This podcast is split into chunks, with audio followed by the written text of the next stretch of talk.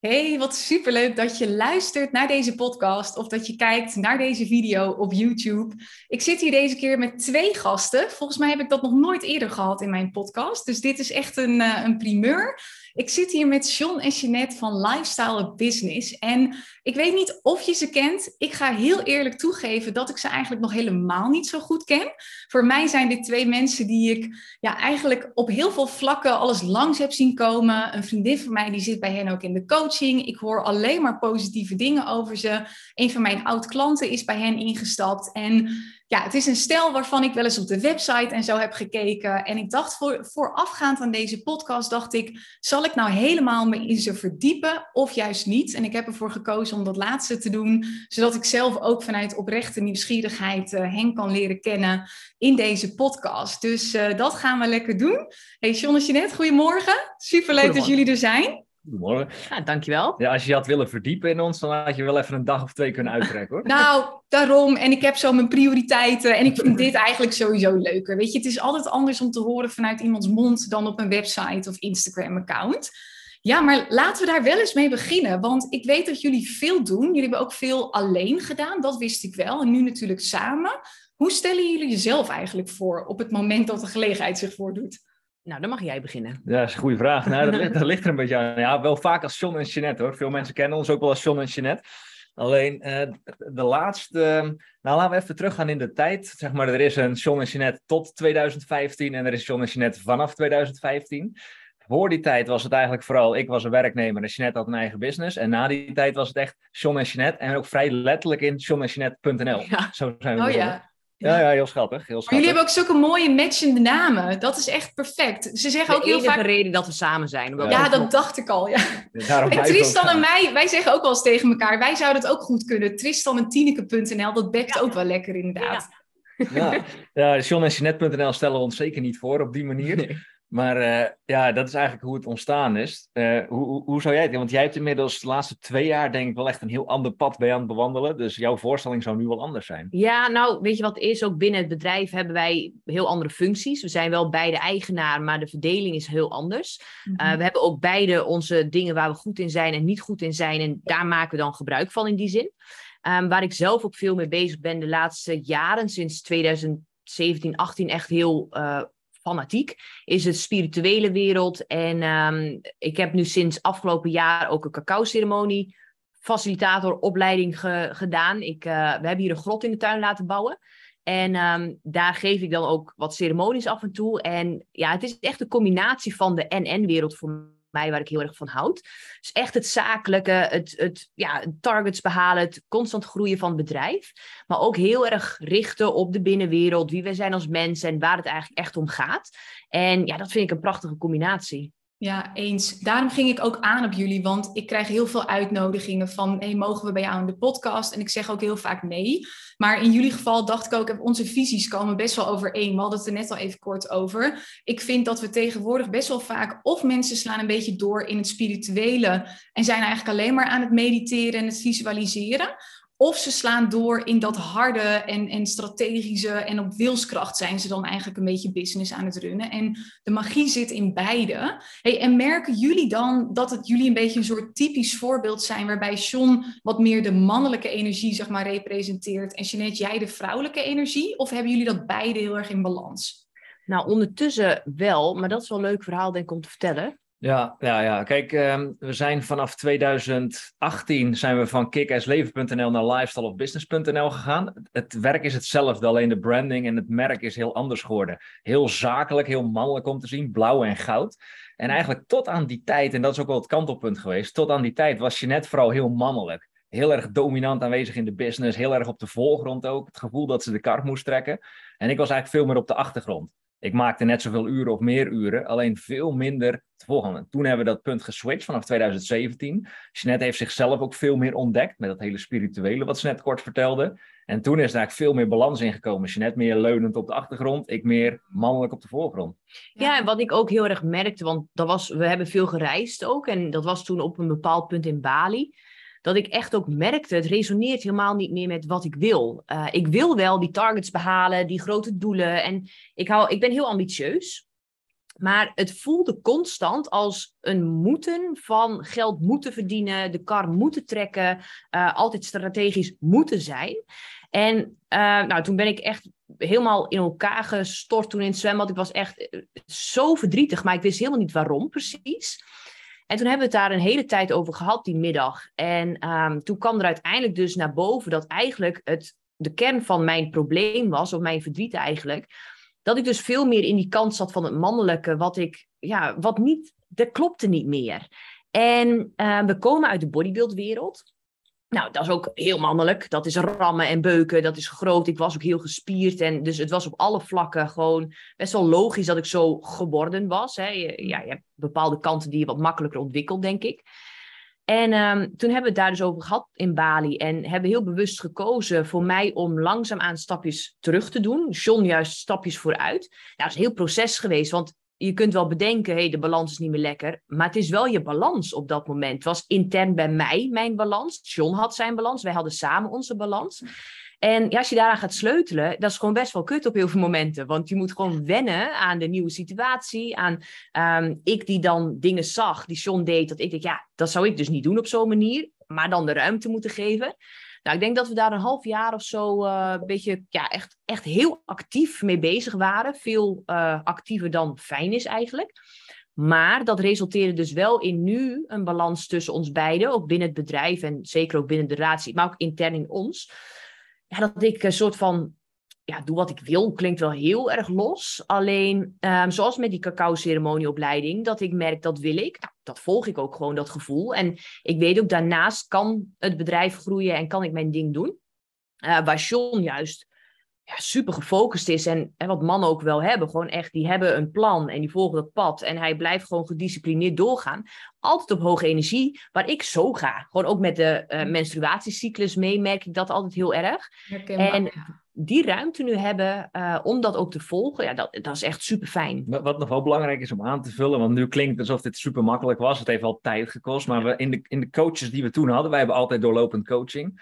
Dus Jeanette heeft heel vaak te horen gekregen, maar hey, je mm. bent eigenlijk te mannelijk je moet vrouwelijker worden. Maar daar bleef het dan ook wel een beetje bij. Van, hey, je moet dat... Maar ja, fuck, hoe, hoe doe je dat? Nou, ik heb op een gegeven moment weer zitten janken. Omdat uh, hadden we een uh, sessie met onze coach toen de tijd. En die bleef iedere week herhalen. Je bent te hard, je bent te mannelijk. Kijk naar je video's hoe je dat doet. Kijk hoe je komt opdagen.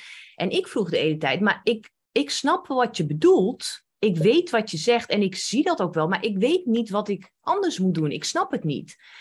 En op een gegeven moment is dat heel frustrerend geworden voor me. Dat merkte ik ook als iemand zei, ik, ja, hou je melden maar over. Want je benoemt alleen maar, het is niet goed zoals ik ben. Um, ik begon het ook echt zo te ervaren, dat het niet goed was zoals ik ben.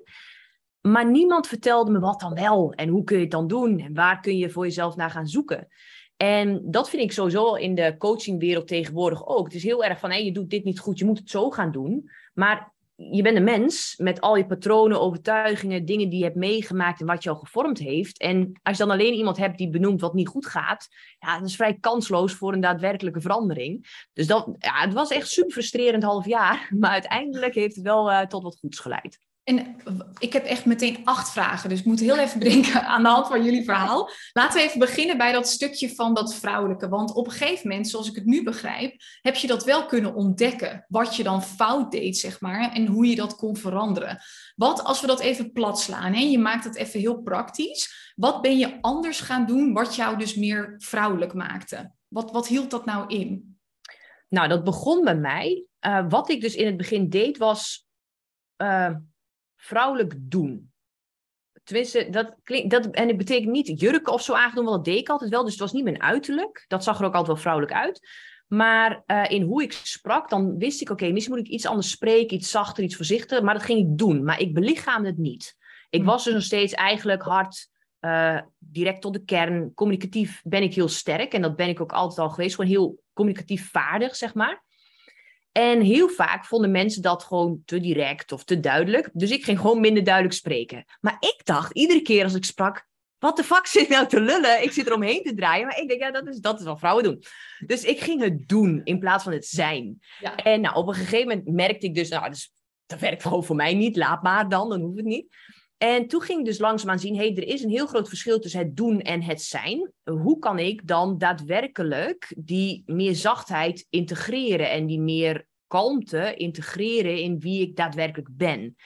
Nou, en van daaruit is uh, best wel een zoektocht ontstaan in enerzijds echt mezelf observeren. Dus ik keek letterlijk video's terug, alle dingen die we deden, podcasts en zo. Ik keek en luisterde dat terug.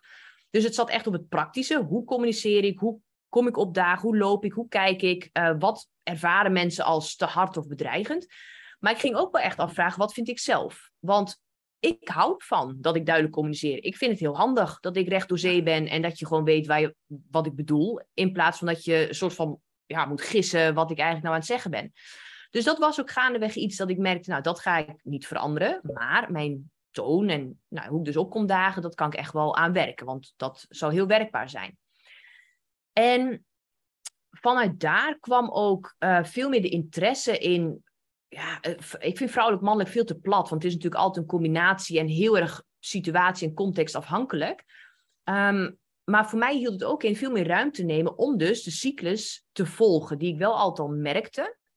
Uh, maar waarvan ik in het begin dacht, nou ja, gewoon doorgaan. Want uh, ook al ben ik moe, of ook al heb ik geen zin, of weet ik veel, gewoon doorgaan. Tot ik ben gaan accepteren, hé, dit is nou eenmaal hoe ik het ervaar in mijn lichaam. Ik heb een piekweek, ik heb een dalweek en ik heb twee weken een soort van, die kabbelt daartussenin. Ik ga er gebruik van maken. Dus ik ben ook gewoon veel beter gaan luisteren naar mijn lijf. Nou, zo zijn er stap voor stap dingen geweest. En, um, ja, en ik ben, ondanks dat het me wel frustreerde, ben ik wel open blijven staan voor de feedback van een paar mensen waar ik het wel serieus van nam. Kijk, er zijn ook mensen die vinden ja, niemand, of nooit iedereen vind je geweldig zoals je bent, zeg maar. Dus het gaat echt niet om meningen verzamelen van alle mensen om je heen, maar een paar waarvan ik weet, nou, die heb ik als coach ook hoog zitten, dat geloof ik dat die ook wel weet waar ze het over hebben. Daar ben ik er ook mee aan gaan werken en ja, zo is dat eigenlijk gaandeweg ontstaan. Maar een belangrijk ding is wel, ik deed een stapje terug in de kar trekken en al dat, zodat John de ruimte kreeg om naar voren te gaan, dat hij ook daadwerkelijk die rol van ja, de kartrekker zeg maar meer over kon nemen. Dus het is ook echt een wisselwerking tussen ons geweest. Precies, en ik kan me ook voorstellen dat je gaandeweg steeds meer durft te vertrouwen op John in dit geval. En dat je ook kan denken, hey, het blijft staan, ik kan leunen, ik kan achterover. Hey, was dat voor jullie eigenlijk de voornaamste reden om samen te gaan werken? Want ik kan me voorstellen dat, uh, dat John een soort van, nou ja, weet je, jij bent zijn meisje, zeg maar, van oh shit, het gaat niet goed met haar, ik moet haar helpen. En dat dat in, initieel, zeg maar, de reden was om samen te gaan werken. Of hebben jullie eigenlijk altijd al een soort motivatie gehad van ooit gaan we iets samen doen, want wij samen, dat is gewoon een soort magie als het ware. nou, dat wel, maar nieuw werkvlak. Nee, nee, nee, nee zeker niet. Zeker Ik was, um, want dan gaan we dus terug naar tot 2015. Toen was het eigenlijk wel andersom. Ik zat in loondienst, ik verdiende het geld. Jeanette had daardoor de ruimte om haar business op te bouwen. Jeanette is op haar 16 al gestart met een paardenbusiness. Nou, uiteindelijk brak ze haar rug. Dat verhaal hebben we al zo vaak gedeeld. Uh, dus die business was in één keer om zeep. Van daaruit ontstond een nieuwe business uh, in, de, in de superfoods, daarna een sportschool, bikini fitness atletenteam. We hadden, we hadden thuis een sportschool. En toen was het gewoon ja, heel, eigenlijk heel suf. Maar ik kwam thuis van mijn werk op een januari dag. was koud. Jeanette zegt, ga maar eens even zitten. Ik denk, oh, is zwanger of zo. Was niet de planning. Dat bleek het niet, bleek het niet te zijn. Maar hij zegt, hey, ja, het, ik heb eigenlijk hulp nodig. Het wordt een beetje te druk. Het is goed als jij stopt met je baan. Zo vrij letterlijk ging het. Het is goed dat je stopt met je baan. Dan kan je mij komen helpen. Ik had zo'n intern stemmetje draaien van, oh shit, dat is niet echt het pad wat ik had bedacht. Maar oké. En toen zei ze in dezelfde adem, uh, ja, want dan gaan we ook samen over de wereld reizen. En toen had ik wel een soort van error, een maand of acht. En, ja. oh, een maand of acht ook, oké. Okay. Ja, ja. Klein detail. ja, ja, ja. En toen was dat wel weg. Dus toen was ik gestopt met mijn baan. En drie dagen daarna zaten we in het vliegtuig naar Bali. En toen begon onze journey pas samen. En toen moesten we het eigenlijk gaan ontdekken. Want ik ja, en toen duurde dat nog twee jaar voor mijn breakdown. Ja, ja, want ja, toen in één keer moest ik een hele andere rol aannemen. Ik kwam bij Jeanette in het bedrijf. Ik verdiende niks in die zin als in, hey, ik droeg wel bij, maar ik verdiende niet zelf wat. Ja, en dat was wel echt even een zoektocht. Tot uiteindelijk in 2017. Jeanette voelde zich daardoor zo verantwoordelijk, want ze had jarenlang die kar moeten trekken. En, en zodoende is dat eigenlijk ontstaan. Ja, hey, en wat ik tof vind ook aan jullie is aan de ene kant zijn jullie dus heel erg op het stuk gevoel en die menselijke patronen. Aan de andere kant, voordat we de podcast starten, zeiden jullie ook al van laten we het ook hebben over gewoon hele praktische, um, hoe noem je het nou ook weer, bouwstenen, gewoon hele duidelijke kaders. En Ik ben dus nu meteen ook wel benieuwd, wat is de formule, zeg maar, als je daar een stukje van kunt delen van jullie succes? Wat, wat teachen jullie ook aan jullie klanten, als je dat in grote lijnen moet uh, omschrijven? Ja, ja, ja de, de, de, hele korte versie is eigenlijk altijd communicatie. Uh, daar kan je op zich niks mee, want dat is natuurlijk een containerterm. Maar daar gaat het wel op mis. Bijna bij, nou niet, in ieder geval bij heel veel stellen ook die we spreken, of in ieder geval één van de twee waar we mee werken, bijna altijd problemen in hun relatie. En als je dat weer gaat afbreken, het is bijna altijd communicatie. Als in, of er wordt wel gepraat, maar er wordt niet echt geluisterd. Of er wordt wel geluisterd, maar iedereen trekt toch zijn eigen pad. Dus bijna altijd communicatie. Ja, maar ook communicatie met jezelf. Hè? Dat is ook de reden dat heel veel ondernemers of gewoon mensen niet dat bereiken wat ze zeggen te willen of denken te willen bereiken. Omdat ze onwerkbaar communiceren in hun eigen kop. Dus het is altijd uh, het gesprek dat er gevoerd wordt. En ook richting klanten ook. Ik heb toevallig net al een hele nieuwsbrief geschreven over communicatie of converterend copywriting. En daarin ook de vijf grootste conversiekillers genoemd. En daar is ook zo vaak is de boodschap, dus je communicatie is niet duidelijk naar je klant. Ik denk wat dat betreft dat de, de communicatie de fundering is eigenlijk van alles. Ja. Voor dat hele stuk. En, en dat trekken jullie dat in een soort van, hebben jullie een soort stappenplan waar je dan weer doorheen gaat met klanten bijvoorbeeld? Of? Hoe werken jullie daar? Nou, echt, een echt stappenplan niet. Toen we jaren geleden begonnen hadden we dat wel. Toen dachten we dat dat goed zou werken, maar dat werkt heel slecht. Nou ja, MBA op slippers natuurlijk wel, hè? Ja, ja, exact. Alleen in de kern, echt de kern van het werk wat wij doen, is mensen in contact brengen met hun eigen interne wereld. Dus de gesprekken die ze voeren met zichzelf en wie ze zijn op dat moment, vanuit identiteitsniveau. Moment dat ze dat gaan, echt gaan pakken, dus wie zijn ze nou elke situatie opnieuw en welke verhalen vertellen ze zichzelf, ja, dan gaat er een wereld voor ze open. En, en daar begint het mee. Dus ja, is er een stappenplan? Ja, daar begint het stappenplan. En van daaruit gaan we dansen met wat er voor ons neus gebeurt. Simpel ja, en, en een voorbeeld is, gisteren had ik een uh, gesprek met een van mijn klanten. En hij, uh, hij heeft een aardig groot team. En die twee meiden in het team, die zitten op support. En uh, hij gaf aan van, nou, zij willen eigenlijk meer verantwoordelijkheden. Zij willen zelf ook dingen kunnen bepalen. En dat een paar weken geleden al besproken. Maar hij zegt, op het moment dat wij dan een vergadermoment hebben... en ja, zij eigenlijk degene zijn die mij moeten voorleggen welke nieuwe dingen ze willen gaan doen, wat ze willen leren enzovoort, hebben ze niks. En dan is het heel makkelijk voor de meeste leiders van hun bedrijf om te zeggen, ja, dus ze denken niet na, ze kunnen het niet. Ik zeg maar, heb jij hen ook begeleid in uh, wat kaders zijn waar ze aan kunnen denken? Heb jij ook gezegd hoe je überhaupt een vergadering voorbereidt? Want ze zijn werknemers en ze hebben dit nog nooit gedaan. Uh, heb jij targets gesteld? Heb jij heldere deadlines, maar ook consequenties gesteld? Ja, zegt hij, nee, dat heb ik allemaal niet. En dan vervolgens gaan we ook daar praktisch naar kijken, maar ook naar waarom kom jij zo los opdagen? Waar doe je dat nog meer? Nou, en dan zagen we, dat doe ik ook bij deze uh, personeelsleden, dat doe ik ook op dit vlak naar mezelf. Hier heb ik kaders voor mezelf, die zijn altijd losjes, dus ik laat over mijn grenzen heen lopen. En dan kom je laagje voor laagje bij een kern waar je merkt, hey, mijn grootste probleem, dus in zijn geval, was ik ben eigenlijk te onduidelijk met deadlines, kaders en grenzen stellen, waardoor mijn team net niet optimaal functioneert, maar ik zelf ook net niet alles gedaan krijg wat ik wil. En, ja, en hoe je vanaf daar verder gaat, is natuurlijk vooral, ja, dat is met coaching, dan ben je in gesprek, stel je vragen. Ja, maar dat is met dus onze... Jullie werken inderdaad vanuit dat stuk ook the way you do anything is the way you do everything. Dus je hebt een situatie, je gaat naar de kern en je kijkt waar het zich elders ook manifesteert. En ik vind het interessant dat je dit voorbeeld ook noemt. Ik had er vorige week een gesprek over met uh, uh, een van mijn uh, nieuwere klanten dan. Die had best wel frustratie zitten op teamleden. En ze kwam bij me met de vraag Tien, hoe vind ik nou mensen die goed werk leveren, die goed zijn, want iedereen is slecht. Dat was letterlijk even haar overtuiging. Ik zei nou, laten we dan eerst naar jou kijken, want ik geloof niet zozeer in alleen maar goede mensen vinden, maar goede mensen creëren ook vooral door zelf de persoon te worden die het beste in hen ook weer naar boven haalt. En dat is eigenlijk best kut, want dan moet je naar jezelf kijken. Dat doen we liever niet, maar dat is uiteindelijk wel, volgens mij geloven jullie dat ook, toch? Dat je daarmee de grootste impact creëert. Dat is de enige manier hoe je impact kunt maken, inderdaad. Dat, uiteindelijk is dat iedere keer ook in bijvoorbeeld relaties, dat je... Er was een andere cliënt van gisteren. Ja, ze zeg ik, nou, oppervlakte probleem waren dan dingen als, ja, ik zie bij mijn partner, die heeft ook een bedrijf. En uh, ja, ik denk dat ik hem moet helpen met gewoon de KPI's helder hebben en vooruittrekken en zorgen dat hij dingen behaalt. En dan zijn we laagje, laagje, laagje af gaan pellen. En bij haar zat er angst onder dat als zij hem niet helpt, dat de boel niet zo van de grond komt als ze zouden willen. En dat zij daardoor stress ervaart. Dus op de oppervlakte lijkt het, oh, ik help hem en ik ben een supergoeie vriendin en oh, ik ben fantastisch. Maar eigenlijk doe je het puur uit eigen belang, omdat je daar een pijnpunt hebt zitten.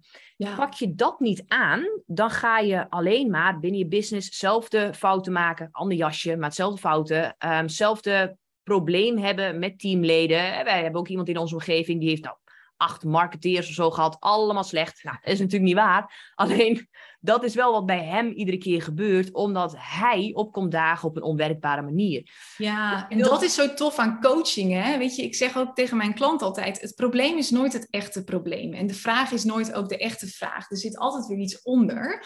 En waar ik ook wel benieuwd naar ben, ik probeer altijd in mijn podcast aan de ene kant gewoon dat we kennis delen en dat soort dingen. Aan de andere kant ook wel de diepte in te gaan op de persoon.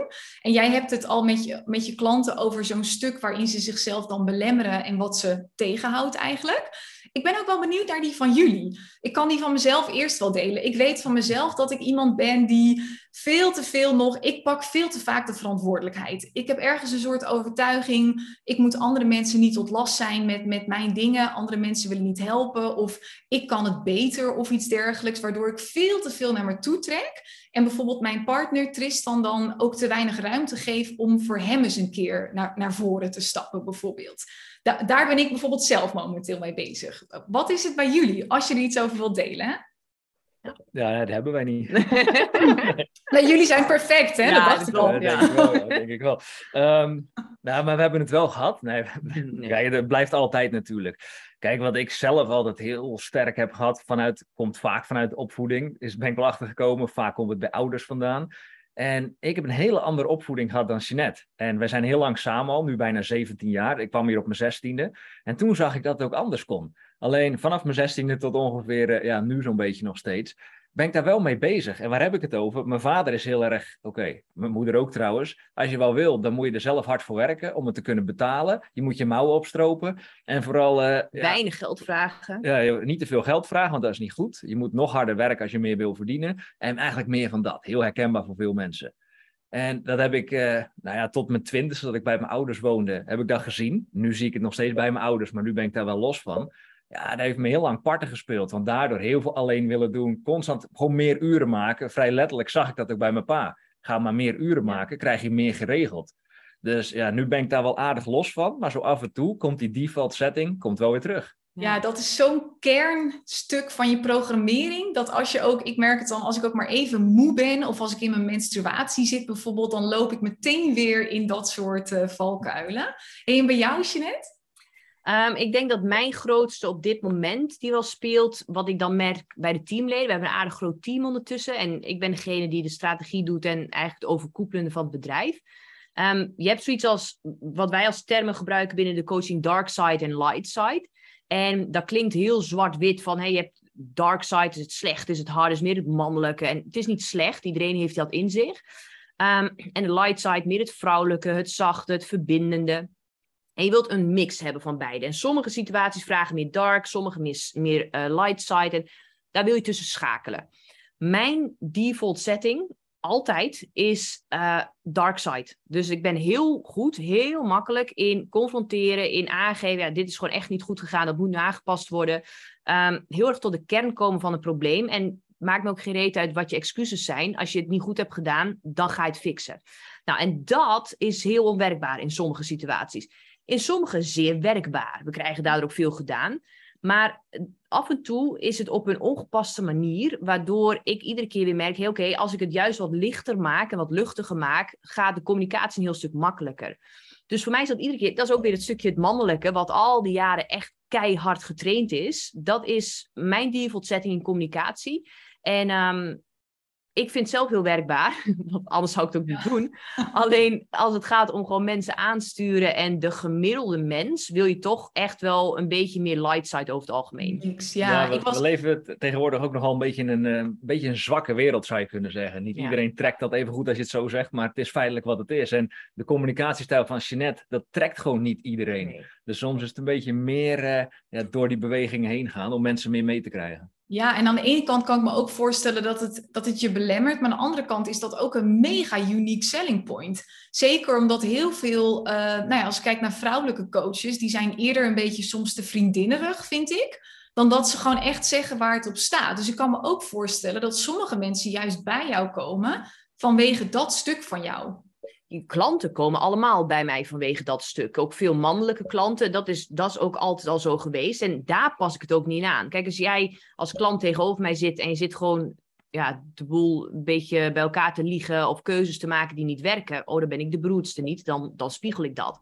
Alleen als het gaat om echt het, ons eigen bedrijf en dat aansturen, ehm, is het vooral belangrijk, dat geldt voor alle bedrijven natuurlijk, dat je kijkt wat heeft de individu nodig. En um, als ik bijvoorbeeld drie van onze meiden voor me zie, dan heeft de ene kan best wel goed op, gewoon heel duidelijk, heel concreet. En dat is niet altijd leuk om te horen voor haar, maar zij pakt het op. Ze ziet, oké, dat is mijn leerpunt en gaat weer door. Zij is ook heel veel met persoonlijke ontwikkeling bezig, wat ook al makkelijker maakt om dat een soort van ja, te accepteren als je gewoon feedback krijgt op, op de dingen die je doet.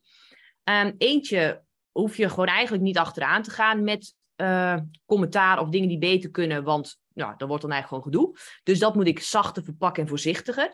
En eentje is direct, heeft het gevoel dat ze dan niet kan, dat ze het niet goed doet. En dat is ook absoluut niet het geval. Dat is ook helemaal niet wat ik dan in de gesprekken naar voren wil brengen, want ze doet heel veel heel goed, alleen een paar procentjes net niet. Dus als ik tegen die drie communiceer, dan is het op een hele andere manier. Ja. Waar je, als je erbij kunt zitten, kunt denken van ja, maar waarom ben je dan zo duidelijk tegen de een en heel zacht tegen de ander?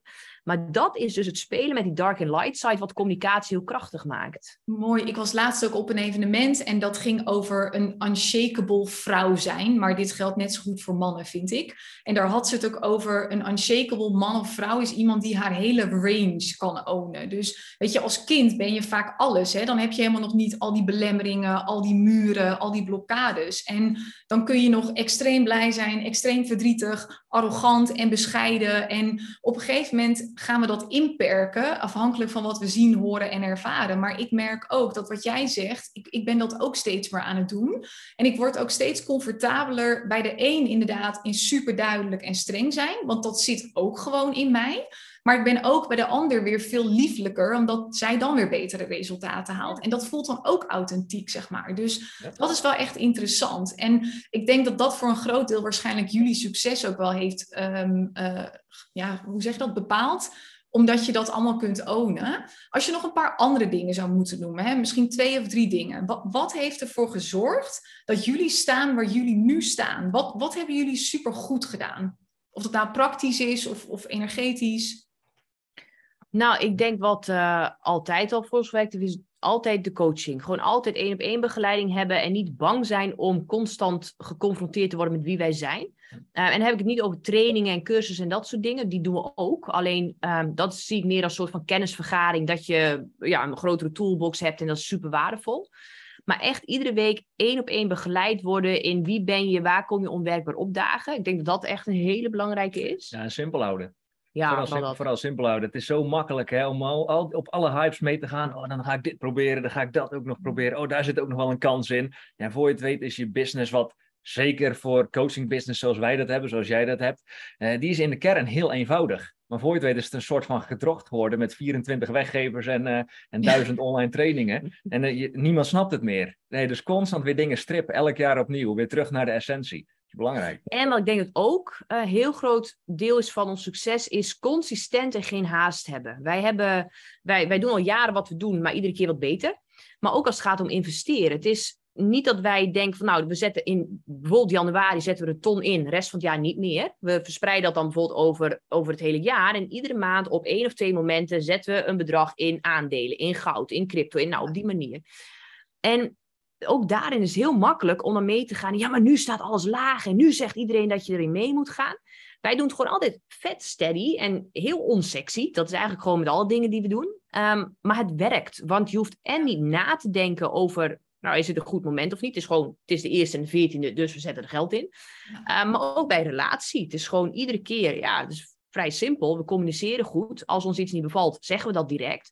En iedere keer blijven op zoek naar hoe kunnen we elkaar helpen groeien. En ja, dat zakelijk en privé. Uh, het saai durven zijn, wat echt op alle vlakken tot succes leidt. Ja, gewoon een bepaald ritme erin houden. Ik had het er laatst met Tristan over. Hij zei, had een of ander artikel gelezen over sleur. Hij zei, vind je dat wij in een sleur zitten? Ik zei, ja, en ik vind het heerlijk. Want we hebben heel veel vaste dingen. Dat we met elkaar praten, dat we een soort evaluatie doen. We kunnen alles tegen elkaar zeggen. En we, doen, we gaan bijna elke zaterdag pannenkoeken eten. En nou goed, vroeger was ik een digital nomad die overal reisde. Inmiddels ben ik gewoon echt een burgerlijke truus uh, geworden. En ik hou ervan. Weet je, ik zei ook, ik hou van die sleur. Het wordt negatief gezien, maar ik hou van die ritme. En ik las laatst ook een mooi boek en daarin werd gezegd: Genius is often persistence in disguise. Ja. Oftewel, genialiteit is vermomde volhardendheid, doorzettingsvermogen. En dat is eigenlijk dus ook jullie methode altijd geweest. Ja, maar, als ik kijk naar heel veel coaches om ons heen, die nou ja, jaren geleden met ons begonnen en nu al uh, weer in loondienst zijn bijvoorbeeld, dat is omdat ze iedere keer wat anders gingen doen. En um, hoe wij dat uitleggen ook altijd in onze trainingen is, wij hebben alles gebaseerd op de vliegwereld, dus eh, vliegtuigen, nou ja, al dat. En een vliegtuig, als die opstijgt, dan gebruikt hij 25.000 liter brandstof. En moet je stilzitten, je hebt je gordels om, je moet gefocust zijn, de piloot is gefocust. Alles kost moeite, kost energie, kost tijd en je moet gewoon voorzichtig zijn en doorgaan. En dan kom je op een bepaald punt dat je gaat zweven. En dan is de, het brandstofverbruik is de helft. Je mag gaan lopen, de automatische piloot kan aan. Je kunt lekker gaan eten en gaan kletsen. Je mag plassen. Het is allemaal makkelijker. En dan ga je, als je de route volgt, uiteindelijk kom je bij jouw eindbestemming. Je gaat zo, want je moet bij blijven sturen. Maar dat doet de automatische piloot dan vanzelf. En dan kom je op je gewenste punt B als je maar gewoon vol blijft houden. Ja. En wat de meeste ondernemers doen, die stijgen op, denken, goddomme, dit is zwaar, ik stop er wel mee. En ze stoppen. Nieuw aanbod, nieuw weggeven, nieuw klanten, nieuw doelgroep en ze stoppen weer. En iedere keer opnieuw, voordat ze op het punt zijn dat ze vliegen. En dat is waarom en ondernemen op een gegeven moment niet meer leuk is. Want als je iedere keer een kar of een auto opnieuw op gang moet duwen, dan word je gewoon heel moe van en moedeloos. Ja. En je gaat nooit dat succes vinden dat je hebt als je. Wij denken heel regelmatig: is het zo simpel? En vroeger dacht ik, nou, als, als het ooit zo simpel wordt dat ik denk, nou, waar komt het geld nou eigenlijk allemaal iedere keer vandaan?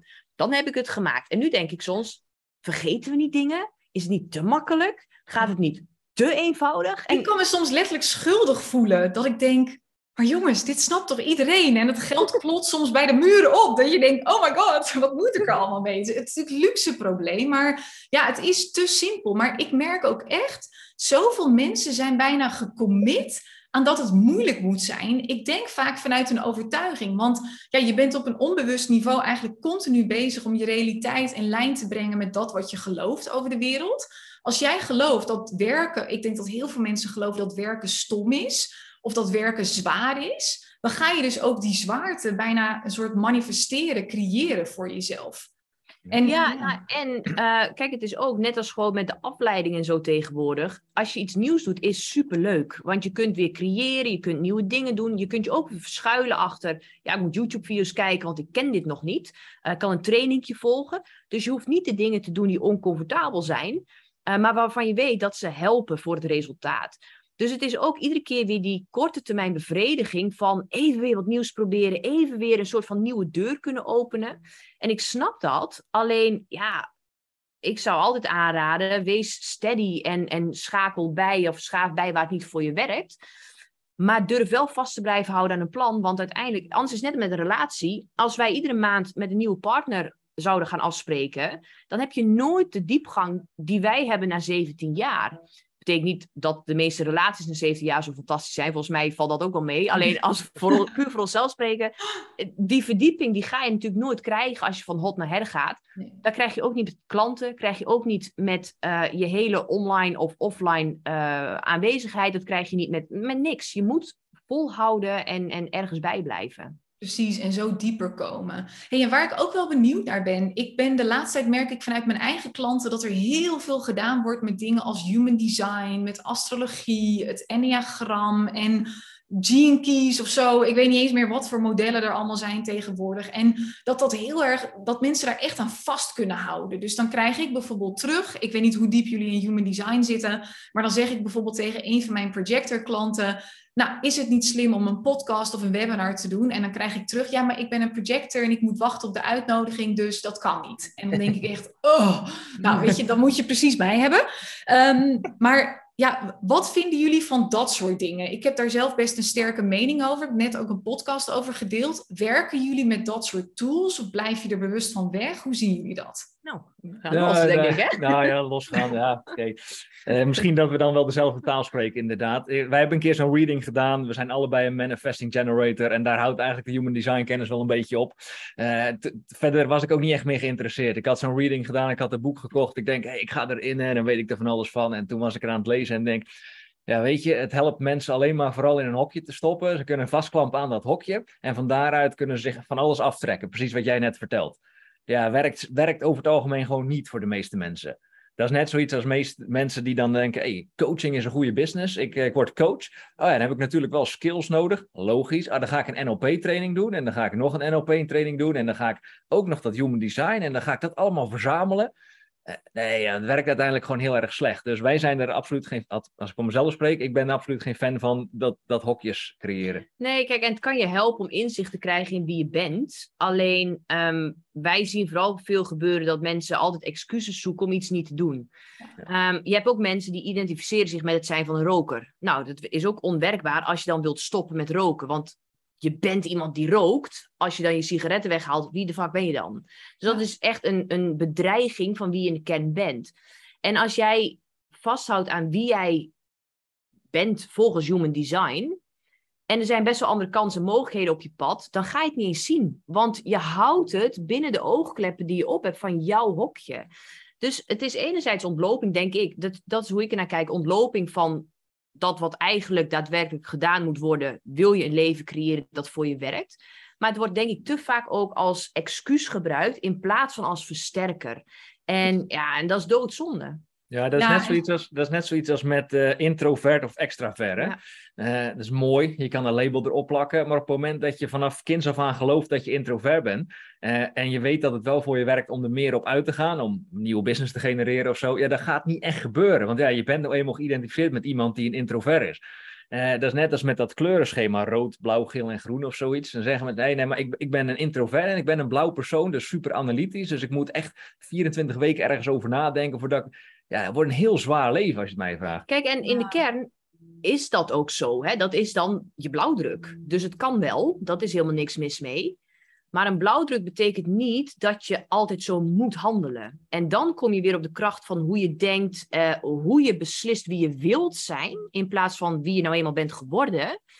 En dat is waar de, ja, waar de keuzevrijheid ligt. Maar de keuzevrijheid maakt dan dat, stel, ik ben ook super introvert.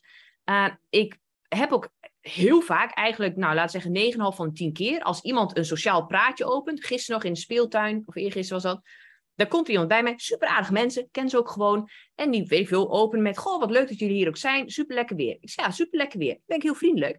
En dan denk ik, ja, wat moet ik nou vragen dan? dat weet ik gewoon echt niet. Als we eenmaal in gesprek zijn, hebben we een goed gesprek. Niks aan de hand. Maar als het gaat om dat koetjes-kalfjes verhaal, ik weet echt niet wat ik dan moet vragen. Dus dan vallen we stil. Dus die mensen liepen ook weg. Ik ja, dat snap ik wel. Alleen, als ik dan mij identificeer met, ik ben heel introvert, ik ben hier niet goed in, zou ik niet op het podium gaan voor een paar honderd mensen. Dan zou ik niet al die dingen doen zoals video's. Dan zou ik niet mijzelf kunnen uitvinden als iemand die er ook op uitgaat. En ik ben sociaal heel goed onderlegd. Alleen mijn voorkeur is gewoon alleen zijn, geen gezeik aan mijn kop, niemand om me heen. Dat is gewoon mijn, mijn blauwdruk. Dat is wat ik wil. Alleen die blauwdruk hoef je niet vanuit te handelen als je merkt dat je leven daardoor niet zo goed werkt. En die keus die maken de meeste mensen niet omdat zij in hun eigen gecreëerde hokje blijven zitten. Dat. Nou, ik hou nog een beetje meer van jullie nu. Dit is precies hoe ik het ook zie, inderdaad. En ik ben zelf ook nooit zo van dat ik ben, ik ben, ik ben. Dat is continu ook weer een keiharde affirmatie. En kijk, als het je nou mega dient, helemaal prima om het te geloven. Maar heel vaak belemmert het je alleen maar. En als ik kijk ook naar wie ik nu ben ten opzichte van een paar jaar geleden, is dat weer heel anders omdat ik mezelf elke dag weer de vraag stel: wie wil ik zijn? Het gaat daar veel meer om, geloof ik uiteindelijk. Dus ja, wie wil ik zijn? Maar ik denk dat voor heel veel ook een hele belangrijke vraag is: wie moet ik zijn? Ja. Want hmm. wie wil ik zijn, is ook als je minder getraind bent, gewoon minder ver nog in de dingen die je gedaan hebt. Um, dan is wie wil ik zijn? Nou, dan wil ik rustig, dan wil ik gewoon op de flow mee kunnen gaan. Maar ik wil ook 6 miljoen op de bankrekening. Maar ik heb nu 5 euro. Dan is dat gat heel groot en dan is wie je wilt zijn nog niet passend, dan ben je gewoon nog lang niet, met wie je moet zijn om daar te komen. En wie je moet zijn is iemand die nu salesgesprekken doet, die je eigenlijk liever niet zou willen doen, want je bent iemand die gewoon op de bank zit en niks meer hoeft te werken. Dus je moet op veel vlakken, en dat is, eh, het is een keuze, maar het is ook een bepaald moeten. Je moet zijn wie je moet zijn op dat punt, om de dingen gedaan te krijgen die nodig zijn om de persoon te worden die je wilt zijn. Eens. Precies. En ik denk dat, ik vind het wel mooi dat je dit zo lekker duidelijk 83 keer het woord moeten, zeg maar, benoemt. Want daarmee zit, ik weet zeker dat er luisteraars zijn die nu denken, je moet helemaal niks, je mag. Ja, die zo gaan denken, hè? daar zit nou, een irritatie. Dat is ook nog wel grappig, want dat is ook weer de communicatie. We hebben, um, Janneke is onze manager en, en die doet fantastisch werk. En die sprak in het begin ook tegen mij met mogen. Dus dan zei ik van, nou, we moeten dit doen. Nou nee, ik denk dat ze dat mogen. Ik zeg, Janneke, bij ons moeten dingen gewoon ook gebeuren. Dus als ik zeg moeten, wil ik niet dat je mij corrigeert naar mogen. En dat is ook oké. Alleen zij is gewend om te spreken met mogen. Ik denk bij heel veel dingen, ja, je mag sommige dingen helemaal niet. Sommige dingen moeten. En dat kun je wel niet willen, alleen het is wel nodig. Maar dat is weer het zachte en het voorzichtige van de huidige maatschappij. Dat als je het woordje moeten of nee zegt tegen je kind of zo, dan ben je gewoon direct een soort van horrormoeder. Ja, ja ik, voor sommige dingen mag die van mij gewoon niet doen. En sommige dingen moet die van mij wel doen. En dat geldt ook in het bedrijf. En dat geldt ook naar mezelf toe. Precies. En als je zelfs die woorden al niet eens durft te zeggen, dan hou je jezelf klein. Ja. Nou, en ik denk zeker dat het een goede ontwikkeling is dat we ook dat mogen heel erg hebben eh, gaan accepteren. Want ik denk dat we gewoon, als je nou in het algemeen naar de wereld kijkt, dat het allemaal iets te hard was, zeg maar. Maar er zijn nog steeds inderdaad heel veel dingen in je business en in je leven die gewoon moeten. Daar heb je gewoon niet zoveel te mogen. En ik denk dat er ook nu veel te veel een soort illusie gecreëerd wordt dat business alleen maar flow is en wauw en alleen maar leuk. Ja, ik heb elke dag nog wel dingen waarvan ik denk, nou liever niet, maar, maar het moet. Ja, maar dat heb je toch ook met sport. Je weet dat het goed is. Ik heb echt niet altijd zin. Maar ja, nou, meestal ga ik dan wel, behalve soms. Zo eerlijk moet ik ook zijn. Alleen, Alleen je weet, het is een goede keuze om te gaan. Ja, ik heb meestal geen zin om een smoothie te maken, maar het kost letterlijk drie minuten tijd. Ik weet, het is goed voor me, dus ik moet dat van mezelf doen. Behalve soms. Dus er is altijd die mix tussen. Nou, meestal doe ik het, want het werkt voor me. Soms ben ik er losser in. Alleen als je alleen maar dingen mag, ja, dan vreet ik alleen maar hele gemakkelijke dingen. Dan sport ik absoluut niet. En dan doe ik heel veel dingen niet die wel voor me werken. Ja, amen, amen. Dat eh, is het enige. Ja, tof. Ik kan nog wel, ik denk, vijf dagen met jullie deze podcast uh, opnemen. Um, is er nog een ding waarvan je zegt, oh, daar hebben we het nog niet over gehad. En uh, als ik dat zeg, dan kom ik altijd heel slim over. Dat vind ik altijd heel cool om te delen. oh, ja, dan, kunnen we nog op, dan kunnen we nog op 24 uur doorgaan. nou, ja? Oh, nou dan denk ik misschien gewoon echt die praktische tips over de marketing. Het heeft niks te maken met wat we nu besproken Nee, ik wou het ook zeggen. Wat mooi hoe dat kan ontwikkelen. Ja. Ah, dan kunnen we het daar en daar en daar over hebben. Bij een half uur verder. Ja, totaal niet oh, over gehad. Want blijkbaar was ik zat al te denken dit. Ik dacht, hebben we het er nou in verwerkt? Of is het eigenlijk helemaal niet aan bod nee, gekomen? helemaal nou, niet. Dit is jullie podium, de marketingtips. Ja, ja, ja marketing. Op, normaal zijn we eigenlijk helemaal niet per se van de tippies. Maar we hebben de afgelopen jaren wel ontdekt dat heel veel mensen wel goed gaan op tippies. Dus het is wel goed om ze af en toe te delen. En, en als het gaat ook om marketing. En wij houden altijd heel erg van heel erg persoonlijke aandacht. Dus wij maken dingen altijd super persoonlijk. De helft van ons marketingbudget gaat eigenlijk niet alleen eh, naar advertenties. Dat is de ene helft. De andere helft gaat naar persoonlijke aandacht. De hele merkbeleving, heel dat vliegwereld. We hebben eigen koffer laten ontwikkelen met een badjas en slippers. En helemaal geweldig. Maar ook als het gaat om nieuwe mensen aantrekken of mensen doorboeken. En vooral de mensen doorboeken, dat is interessant. Dus doorboeken in een programma. Wij hebben bijvoorbeeld onze MBA op Slippers, onze online ondernem ondernemersopleiding van acht maanden. En, en, dan loopt dat een keer af. En sommige mensen zijn eigenlijk nog niet klaar. Dus dan is het mooi als je die mensen gewoon nog weer een ronde mee kan laten doen.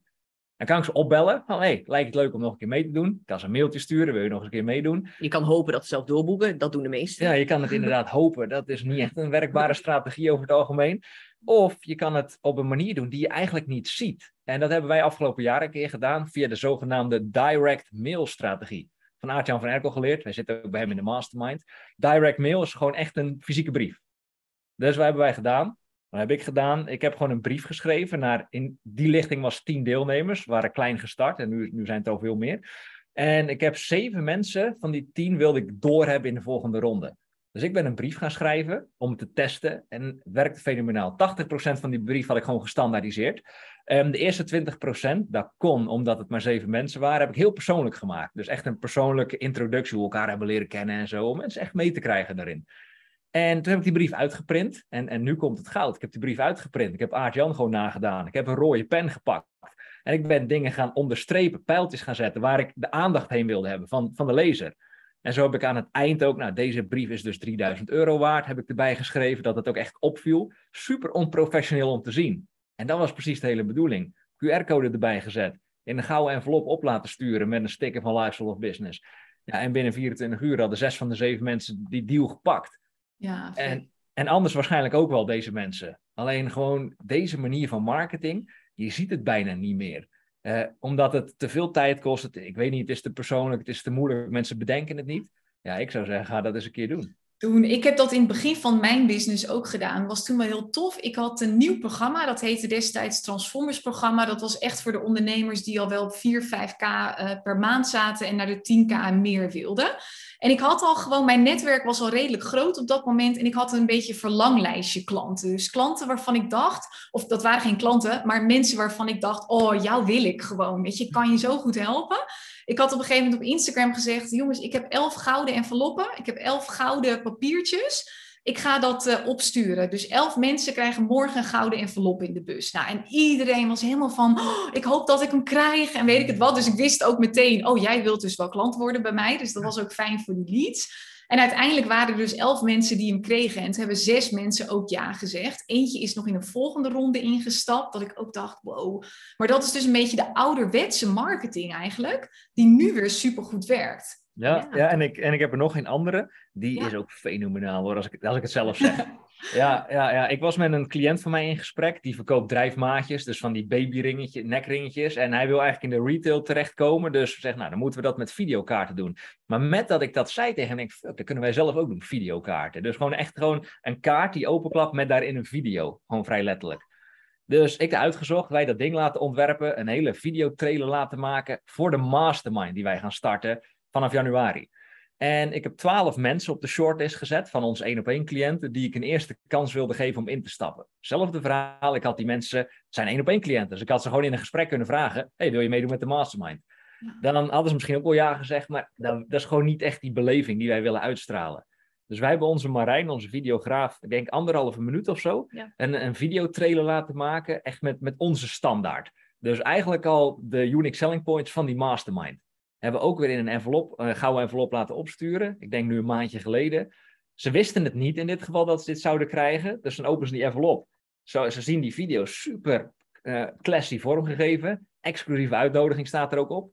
Ze openen dat, begint direct die video af te spelen. Dus die begint direct af te spelen met die trailer, met die heroïsche muziek op de achtergrond. Nou, ik heb die video nu denk ik 25 keer gezien en ik krijg zelf zin om mee te doen met onze eigen oh, mastermind. En dan en heb ik ook nog eens achter die video stond dan 12 keer een persoonlijke video van mij. Dus iedereen ook nog persoonlijk aangesproken. Waarom ik ze heb uitgenodigd, waarom ik denk dat het goed is om hierover te spreken met mij. Nou, iedereen wilde sowieso het gesprek aangaan. Iedereen die was helemaal, uh, gewoon de manier van marketing waren ze echt van onder de indruk. Ze hadden dit nog nooit gehad. En op dit moment zijn er vier al, of vijf al definitief ingestapt. En, en sommigen nog niet en, en gaan waarschijnlijk later doen. Maar dit is een manier van marketing. Ja, het kost wat, het kost ook wel tijd om het om te laten maken, te bedenken. Maar ja, als je op wil vallen, ja, dit zijn wel manieren om op te vallen. Het. Nou ja, en je verkoopt tegenwoordig ook niet meer een product of dienst. En je verkoopt iets als het echt een soort, je verkoopt een gevoel, een beleving, een bepaald iets waar je bij wilt horen. En dat hebben jullie gewoon echt helemaal strak getrokken als ik het zo hoor. Super vet. Hey, hebben jullie nog een paar minuutjes? Ik heb nog één random vraag eigenlijk. Zeker. Ja, natuurlijk. Oké. Nou, jullie hadden het natuurlijk net over klanten die doorboeken. En toen moest ik opeens denken aan... Uh, ik heb het daar ooit met uh, Kim, Kim Rietvink over gehad. Die dus bij jullie, Mark zit dan bij jullie. Ja. En toen hadden we het over dat jullie zijn volgens mij... Doen jullie het zo dat mensen in één keer altijd moeten betalen, toch? Niet in termijnen. Ja. En ik ja, vond het zo interessant. Wat, wat maakt dat mensen in één keer bij jullie moeten betalen? Want ik hanteer nog termijnen en ik dacht, wat zit erachter? Het is vast iets slims. Ja, ja, ja. Uh, nou ja, uiteindelijk is het, je wilt gedoe voorkomen. Uh, mensen kunnen constant weer gaan nadenken als ze in termijnen betalen. Daar wil je eigenlijk voorkomen. Maar er zit een mooi verhaal achter, waardoor we dit uiteindelijk hebben doorgevoerd. En zo leg ik hem ook nogal regelmatig uit aan mensen die er ook van uitgaan. Oh, ik had verwacht dat het in termijnen zou zijn. Uh, en dan vertel ik dit verhaal en dan is het in één keer duidelijk. Dat is uh, nu twee jaar, nu precies twee jaar geleden. Um, eigenlijk mocht, het klinkt een beetje zielig, maar ik mocht eigenlijk al niet meer in termijnen doen. Van Jeanette niet en ook van onze coach niet. Toen onze coach, nu nog steeds. En, En ik zat met die dame in gesprek. En ik deed ook al niet meer. Maar op een of andere manier was ik zwak. Ik weet niet wat er gebeurde. Maar ik had gezegd, nou, dan doen we het toch in termijnen. En toen, had ik, en toen zei ze ja. En toen had ik opgehangen. En normaal, als je een ja krijgt op een nieuwe cliënt voor een jaar, dat, was toen de tijd 25.000 euro, dan is het toch wel een beetje een leuk moment. Van, hé, hey, leuke cliënt, mooi weer geld verdiend. En dat had ik helemaal niet. Dat was de eerste keer ooit dat ik ophing en ik krijg bijna al direct een soort van instant buikpijn. En dat komt, ja, ik moest het ook aan Jeanette vertellen. Normaal, hé, hey, een nieuwe cliënt aangehaakt, dit en dit, dit is de business. En nu wist ik, oh ja, dan moet ik ook zeggen dat ik in termijn had gedaan. Dat mocht eigenlijk al niet meer. Dus ik had die dag daarna eh, toevallig of niet een sessie met onze eigen coach staan. Jeanette, eh, de ene week is het Jeanette en de andere week ik. Dus het is onze gezamenlijke coach om de week. En Jeanette had het al doorgespeeld. Ik had niks gezegd. Ik denk, ik begin er niet over. Nee. Jeanette had het al doorgespeeld. Er is tot de dag van vandaag, in alle zes en half, zeven jaar één op één coaching, mijn meest oncomfortabele coaching sessie ooit geweest. Het, ik had andere punten, een uur lang ging het alleen maar hierover. En om het verhaal af te maken, uh, ik, ik, zal niet vertellen hoe die coaching sessie eraan toe is gegaan. Uh, het was op zijn zacht gezegd heel oncomfortabel. Ik zag ook echt in, ik moet nooit meer termijnen doen. Maar toen kwam het. Deze dame waar ik mee ging starten, die is na twee sessies, letterlijk na twee sessies, gestopt met het traject. Dat is nog nooit gebeurd. En blijkbaar moest dit zo zijn. Ik moest denk ik een laatste les leren van de universe. Zij komt namelijk in de tweede sessie opdagen. Zegt John, um, ik vind het heel moeilijk om te zeggen. Maar uh, ja, ik, ik ga stoppen met de coaching. Ik zeg, oké, okay, goh, dat verrast me. Vertel, je hebt vast een goede reden. Nou, en toen kwamen ze met allemaal bullshit redenen. Ja, ik vind het toch een beetje te persoonlijk. En nou, een beetje dat soort gekkigheid dat ik denk, hé, hey, dat is wel heel apart. Het moment dat je dit zo ervaart. En toen zag ik in, en dat is de echte les, toen zag ik in, hé, hey, ik heb haar niet geholpen. Ik heb haar nu niet geholpen. Want het erg was, zij had dit in één keer kunnen betalen ook nog eens. Dus dat was voor mij heel pijnlijk. Als ik haar in één keer had laten betalen, reken maar dat zij niet na twee sessies had gezegd, John, ik ga stoppen met de coaching. Alleen het was nu niet pijnlijk genoeg, en dat is, het, dat is de echte boodschap. Het was absoluut niet pijnlijk genoeg voor haar. Ik denk, oh, ik heb één termijn betaald, dan, uh, ja, dan stop ik er gewoon mee, betaal ik gewoon niet meer.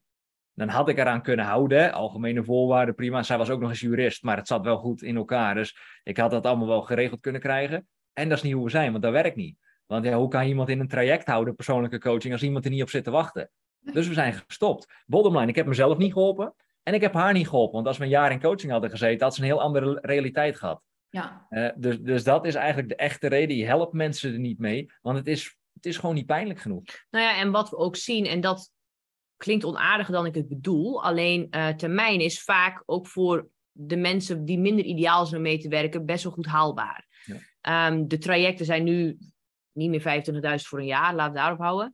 Um, het zijn grotere bedragen in één keer, die ook nou, niet iedereen heeft liggen. Dat is oké.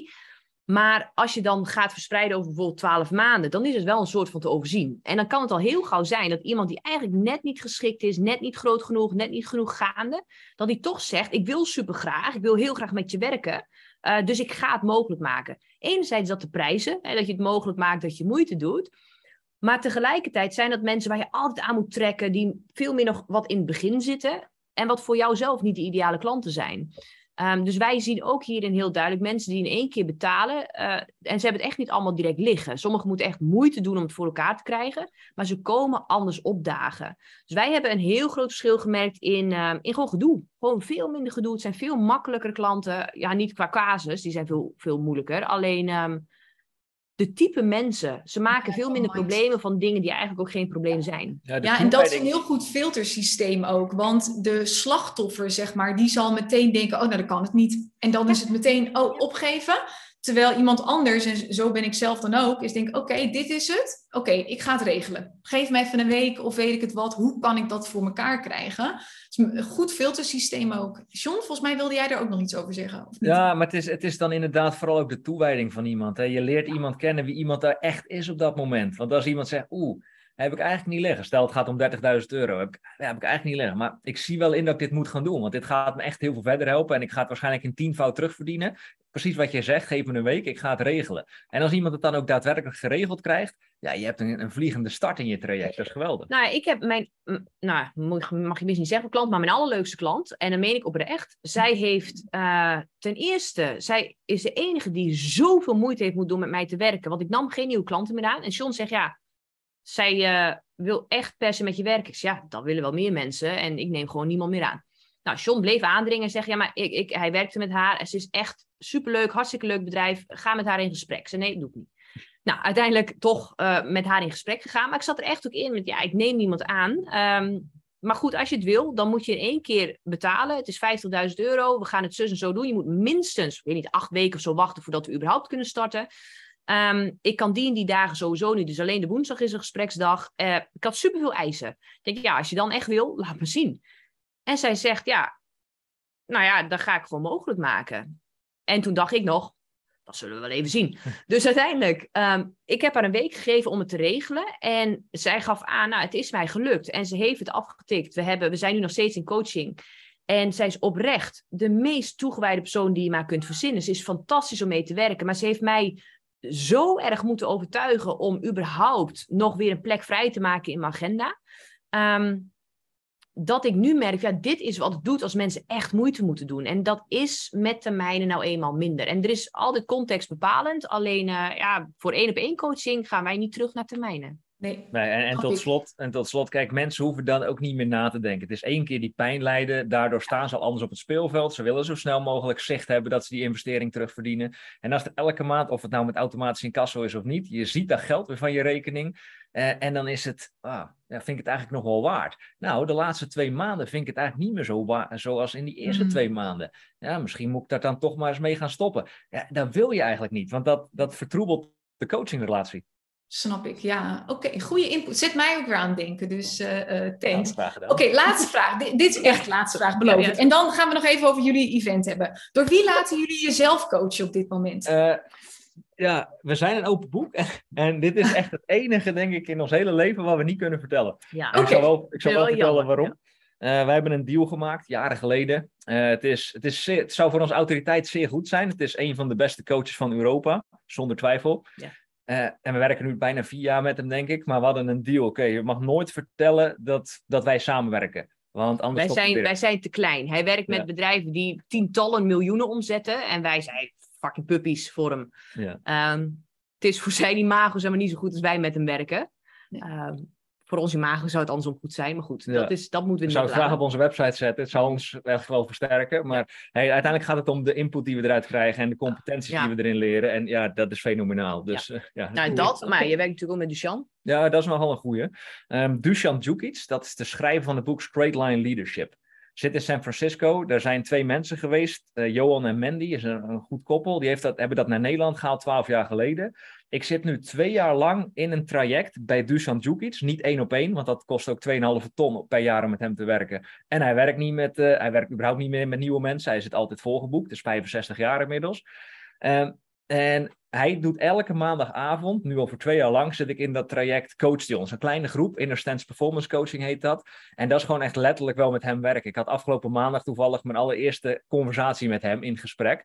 Ja, en dan merk je, daar heb ik dus zoveel coachingcompetenties van geleerd. Dat is echt, uh, dat is echt een, daar ben ik van overtuigd, een van de beste echte coaches van de wereld. Uh, als je ziet, hij, hij heeft 2,5 ton, heeft wachtlijsten van jaren. Johan en, en uh, ook Christophe Kuppens, die komt op ons event spreken waar we het zo nog over hebben. Die werken al 9 of 10 jaar met hem. Die hebben dus ja. al iets van 3 miljoen naar hem overgemaakt om met hem te kunnen werken, om die skills te leren. Uh, ja, dat is onder andere waar wij ook veel vandaan halen. Ja, vet. Wil je het nog één keer noemen? Want die man heeft wel een onmogelijke naam. Wat was het nou? Dusan, D-U-S-A-N. D-U-S-A-N, ja. Jukic, D-J-U-C-K-I CH. Ja. Oké, okay, ik heb hem. Dan kan ik hem even googlen. Ja, straight line leadership. Ja, straight line leadership. Okay. Nou, en we zitten ook nu in de mastermind nog van Aart-Jan van Erkel. Dat is puur ja. copywriting. Dat is uh, echt specifiek daarop uitgekozen. Uh, en zo hebben we eigenlijk altijd een combinatie van één op één coaching. Want dat maakt gewoon al het verschil in wie wij zijn en hoe wij opkomen dagen. Ja. Um, en we zoeken dus heel specifiek daar skills bij. John in dit geval de coaching skills bij Duchan. En ja, ik ook, want ik doe er, luister er ook in mee. Um, Aart-Jan puur op, ja, die vinden wij het allerbeste in copywriting. Dus die helpt ons daar nu bij. En um, zelf heb ik afgelopen jaar ook gestart met Dent van Daniel Priestley. Um, dat is echt weer het hele strategisch van het bedrijf. Dus iedere keer, ja, we, we steken zeker ieder jaar tenminste een ton in onszelf in de ontwikkeling. En, en regelmatig ook meer, want dat is exclusief kleine programma's van 5000 euro of zo. En um, dat helpt ons gewoon iedere keer om en als persoon te blijven ontwikkelen, als leider binnen het bedrijf, maar ook gewoon ja, skillverbreding, toolboxverbreding, zeg maar. Uh, dus dat vinden wij echt wel een gouden combi. Ja, want hier wil ik wel op aanvullen. Uh, tot slot, dan verlengen we het wel even iets. Maar ik weet dat hier, uh, als ik dat een beetje zo zie, luisteren waarschijnlijk veel coaches, trainers, therapeuten ook naar deze podcast. het is een beetje een ontplofte business, hè? de business van coaching de afgelopen jaren. Een wildgroei aan coaches. De ene is echt nog slechter dan de ander. Sorry dat ik het zeg. Ja. ja wij zijn van overtuigd, je, je moet gewoon goed zijn in wat je doet. Zo simpel is het. Anders kan je niet, er staan le letterlijk levens op het spel als je met mensen werkt en daar geld voor vraagt. Dus je moet je altijd blijven ontwikkelen. Althans, dat is onze bescheiden mening. Ja, eens, helemaal waar. Ik, bij mij gaat ook het grootste gedeelte naar coaching nog steeds en zo. Dus uh, alleen maar goed. Hey, als laatste, nu echt als laatste, jullie evenement. Jullie gaan iets heel tofs doen op 11 november. En um, benoem ook even wat mensen daarna nog weer kunnen doen. Want als je dus nu meteen al de podcast luistert, ik weet dat dat veel mensen zijn, dan is het natuurlijk nog geen 11 november. Als je hem later luistert, dan hebben jullie vast iets anders wat kan. Kunnen jullie daar meer over vertellen? Ja, laten we dan beginnen met voor degenen die of op 11 november niet kunnen of dit na 11 november luisteren. Ja, dan is het gewoon het beste om naar onze website te gaan, lsob.nl, de afkorting van Lifestyle of Business. En daar de klantreis wijst vanzelf. Als je helemaal nieuw bent met ons, begin dan met ons ondernemerstest. Dan, dan weet je binnen twee minuten de vier belangrijkste pijlers die wij altijd teachen: strategie, zichtbaarheid, team en geld hoe je ervoor staat. En van daaruit hebben we altijd gratis volgende stappen. Enorm veel podcasts, YouTube-video's, andere weggevers. Dat is het, dat is het makkelijkste, denk ik. En wat betreft het event, um, dat mag jij doen. Nou, het evenement is wel tof. We hebben al ondertussen nu voor, nee, begin dit jaar was het andere evenement, ja. uh, hebben georganiseerd. En uh, dat beviel heel goed. Dus we hebben besloten op 11 november huren wij een uh, vliegveld af. in Teugen, heet het hè? Ja. En ehm, dat is ook echt een zaal. En er staan allemaal vliegtuigen binnen. Super episch. En er staat dan het podium. En daarin gaan we het hebben, deze keer specifiek over vermogen. Het heet ook het Vermogend Vlammen evenement. Want wat we heel veel zien gebeuren bij eigenlijk alle ondernemers al zo'n beetje is toch wel angst. Wat gaat er gebeuren? Wordt het geld nog minder waard? Waar moet ik in investeren? Wat als klanten niet meer willen betalen? Um, nou, gewoon angst rondom wat gaat er gebeuren met de wereld. En vermogen is voor ons breder dan alleen geld. Dat is ook het vermogen om in staat te zijn andere kansen te creëren. Dat stel je huidige business stort in, want dat kan. Hè, als je niet meer kunt inkopen of wat dan ook. Um, en je moet stoppen. Hoe creëer jij jezelf dan weer opnieuw om wel nieuwe mogelijkheden te zien? Maar ook heel praktisch, hoe kun je uh, verborgen geld, uh, dat eigenlijk al voor het oprapen ligt in je bedrijf, vrij makkelijk eruit halen? Nou, dat doen we smiddags met um, Janine van Vliet, weet je. Janine van Vliet, zij is de allerbeste Profit First trainer met allemaal awards die ze ook gewonnen heeft deze afgelopen jaren. Die gaat jou helpen heel specifiek te kijken, wat zijn een paar knoppen om aan te draaien om per direct meer geld over te houden. Nou, en zij, zij zegt echt, soms zijn het kleine simpele dingen dat je tienduizenden euro's extra over kunt houden, die letterlijk nu al aanwezig zijn. Nou, dat is super waardevol voor in het hier en nu ochtends spreken met Thierry, Thierry Stocking. En hij vertelt over investeren, maar ook wat op dit moment niet zulke goede keuzes zijn. Dus hij is meer vermogen voor langere termijn. En hoe jij geld voor je laat werken. En door die combinatie zorgen dat ook als je nu denkt, ja, maar ik heb echt een soort van 5 euro over iedere maand. Dat uh, Janine je gaat helpen meer geld vrij te maken. Thierry jou gaat helpen wat voor jou de beste volgende stap is. En dan hebben we smiddags nog Christophe Kuppens. En hij komt vanuit Straight Line Leadership waar we het net ook over hadden. En hij gaat echt met jou werken en hij is geniaal. Hij is echt een fantastische spreker. Um, hij komt spreken over hoe jij jouzelf zo kunt neerzetten, wie je moet zijn, waar we het over gehad hebben, om ook daadwerkelijk dat geld vrij te maken, meer geld te kunnen verdienen, ondanks wat er gebeurt in de wereld, ongeacht wat er gebeurt in de wereld. En in staat zijn om geld voor jou te gaan laten werken. Want ja, je kunt de tools hebben van de twee sprekers die ervoor zijn. Maar als jij niet in staat bent ook te zijn wie je moet zijn, om die stappen te gaan zetten, ja, dan ga je niks hebben aan die, aan die tools, zeg maar. Dus het wordt echt gebaseerd op wat kun je nu doen. En uh, een stukje angst weghalen, praktische handvatten en zorgen dat je letterlijk, als je de deur uitloopt, weet wat je te doen staat om per direct meer geld over te houden. Ja, en daarbij ook nog natuurlijk een stuk netwerken. De kracht van een netwerk wordt belangrijker dan ooit in de tijd waar we eigenlijk al in zitten en nog meer heen gaan. Het gaat er ook vooral om de mensen die je kent. Op het moment dat het een beetje zwaar krijgt, dat je weet, hé, hey, op dat event heb ik die en die ontmoet, laat ik die eens even opbellen. Hoeveel dus mensen verwachten jullie daar? 200.